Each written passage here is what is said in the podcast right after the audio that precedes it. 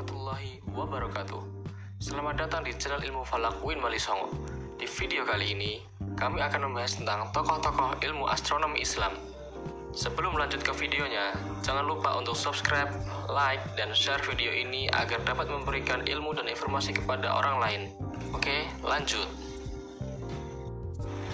Berbagai penemuan yang ditemukan oleh beberapa ahli memberikan banyak manfaat bagi perkembangan ilmu pengetahuan, tidak terkecuali ilmu astronomi.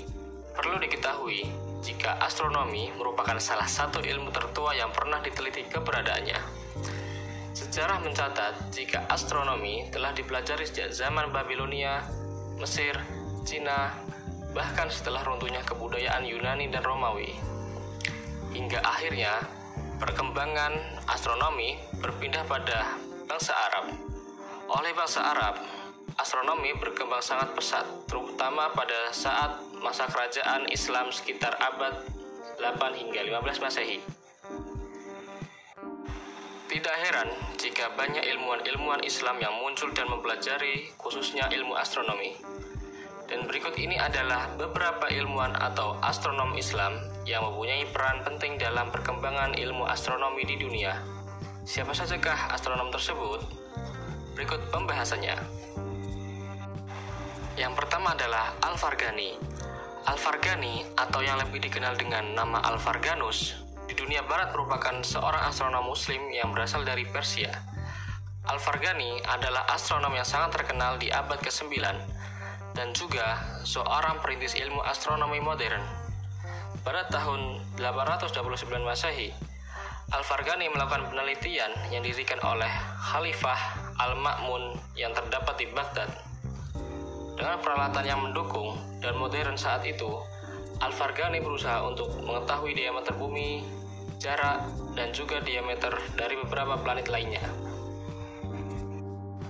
Beliau Al-Fargani bergabung dalam proyek pengukuran dari derajat garis lintang bumi. Selain itu, dia juga berhasil menjabarkan jarak serta diameter dari beberapa planet yang merupakan suatu pencapaian luar biasa saat itu.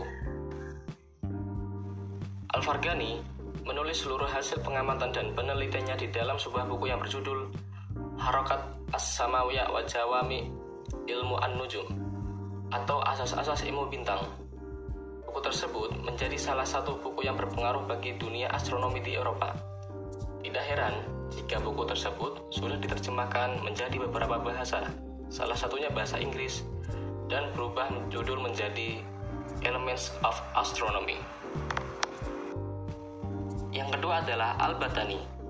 Al-Batani memiliki nama lain yaitu Muhammad Ibnu Jabir Ibnu Sinan Abu Abdullah atau lebih dikenal dengan Bapak Trigonometri Beliau mempunyai nama latin yaitu Albatenius. Selain sebagai seorang ahli di bidang matematika, Albatani juga merupakan seorang astronomi muslim terbesar di Arab.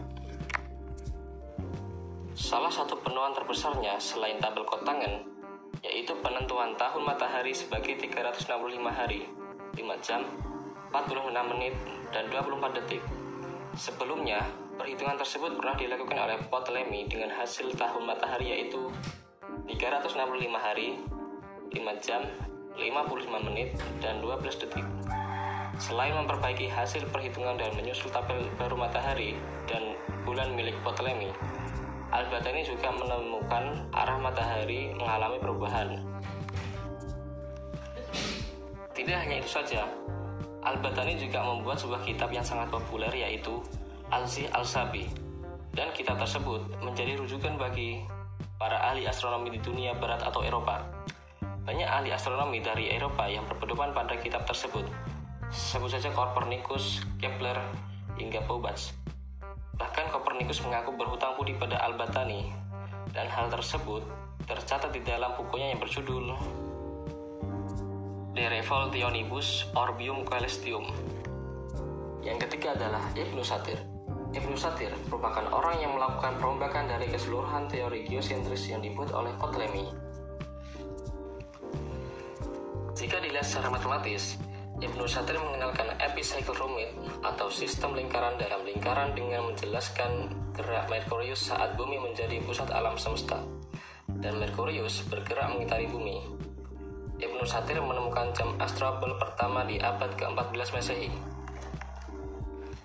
Jam astrobel merupakan salah satu instrumen astronomi yang berfungsi sebagai penentu lokasi dan memperkirakan posisi matahari, bulan, planet, serta bintang, menentukan letak bujur dan letak lintang. Selain jam astrobel, Ibnu Satir juga menemukan jam matahari dan merupakan jam dengan polar aksis sandial paling tua yang masih ada hingga saat ini. Kompas juga menjadi barang temuannya dengan menganut dasar jam matahari dan kompas magnetis di awal abad ke-14 Masehi. Yang keempat adalah Al-Biruni. Astronom satu ini cukup terkenal di masa Renaissance dan dia juga yang mengungkapkan bahwa bumi berputar pada porosnya.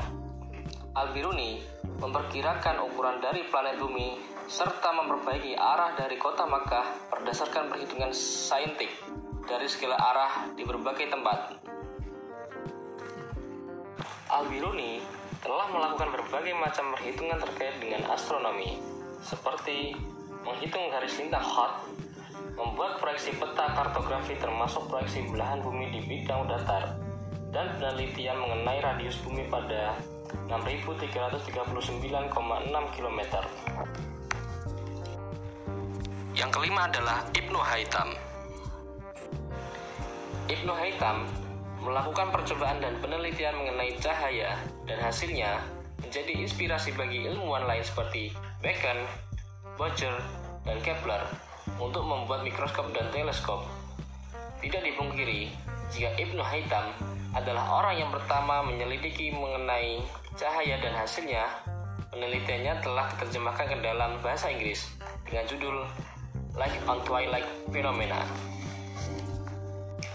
Di dalam penelitiannya, banyak membahas tentang senja, serta lingkaran cahaya yang terdapat di sekitar bulan dan matahari, termasuk bayang-bayang dan gerhana.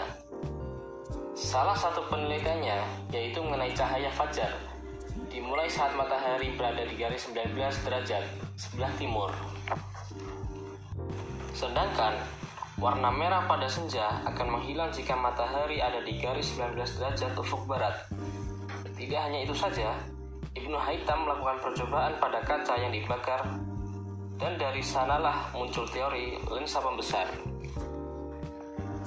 Nah, oke teman-teman, itulah tadi penjelasan mengenai tokoh-tokoh ilmu astronomi Islam. Terima kasih sudah menonton video ini sampai habis. Jangan lupa untuk like, komen, dan subscribe channel ini.